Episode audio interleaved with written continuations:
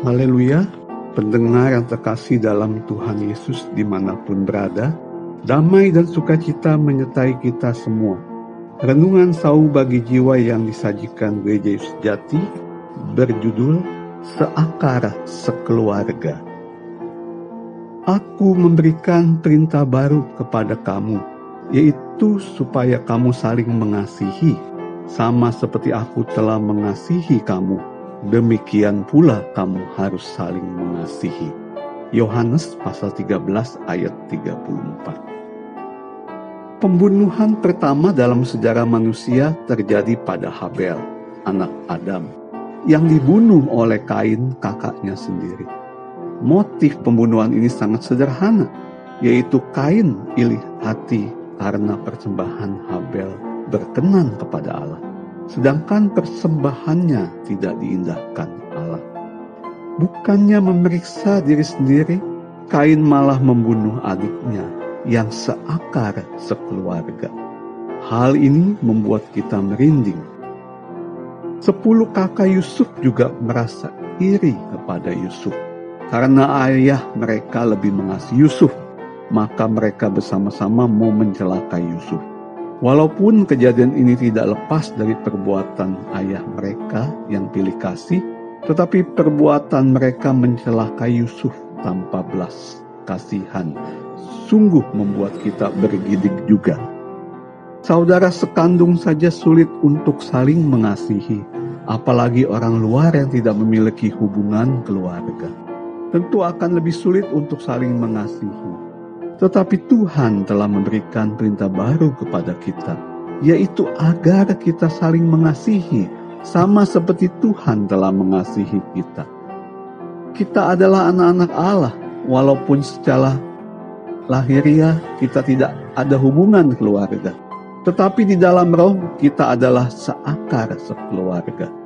Jadi hendaklah kita saling mengasihi sama seperti saudara yang seakar sekeluarga. Kita sama sekali tidak boleh saling iri, saling dengki, saling bersaing. Kita semua adalah anggota keluarga Allah. Masing-masing mempunyai talenta yang berbeda-beda. Maka kita harus saling membantu, saling mengagumi. Dalam segala hal, kita menganggap orang lain lebih utama dari kita. Dengan demikian, kita akan mampu menyingkirkan perasaan iri hati, dengki, dan benci yang bisa berkembang menjadi niat mencelakai dia. Zaman Tiongkok dahulu, ada seorang jenderal yang bernama Cao Cao. Putranya yang bernama Cao Ce adalah seorang terpelajar yang pintar dan cerdik. Sementara Cao Pei kakaknya selalu iri kepadanya. Kemudian ketika Cao Pei menjadi raja, dia menyuruh adiknya membuat satu syair dalam tujuh langkah kaki. Bila gagal, maka adiknya itu akan ia bunuh. Untunglah Cao Ce memilih yang pandai berhasil mengubah satu syair. Dan arti syair itu adalah kacang direbus dengan api dari kulit kacang.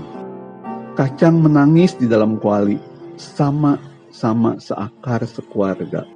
Mengapa tega saling mencelakai? Mendengar syair itu Chow, Chow Pei menjadi malu dan tidak jadi membunuh adiknya itu. Saya sudah percaya kepada Tuhan selama lebih dari 20 tahun.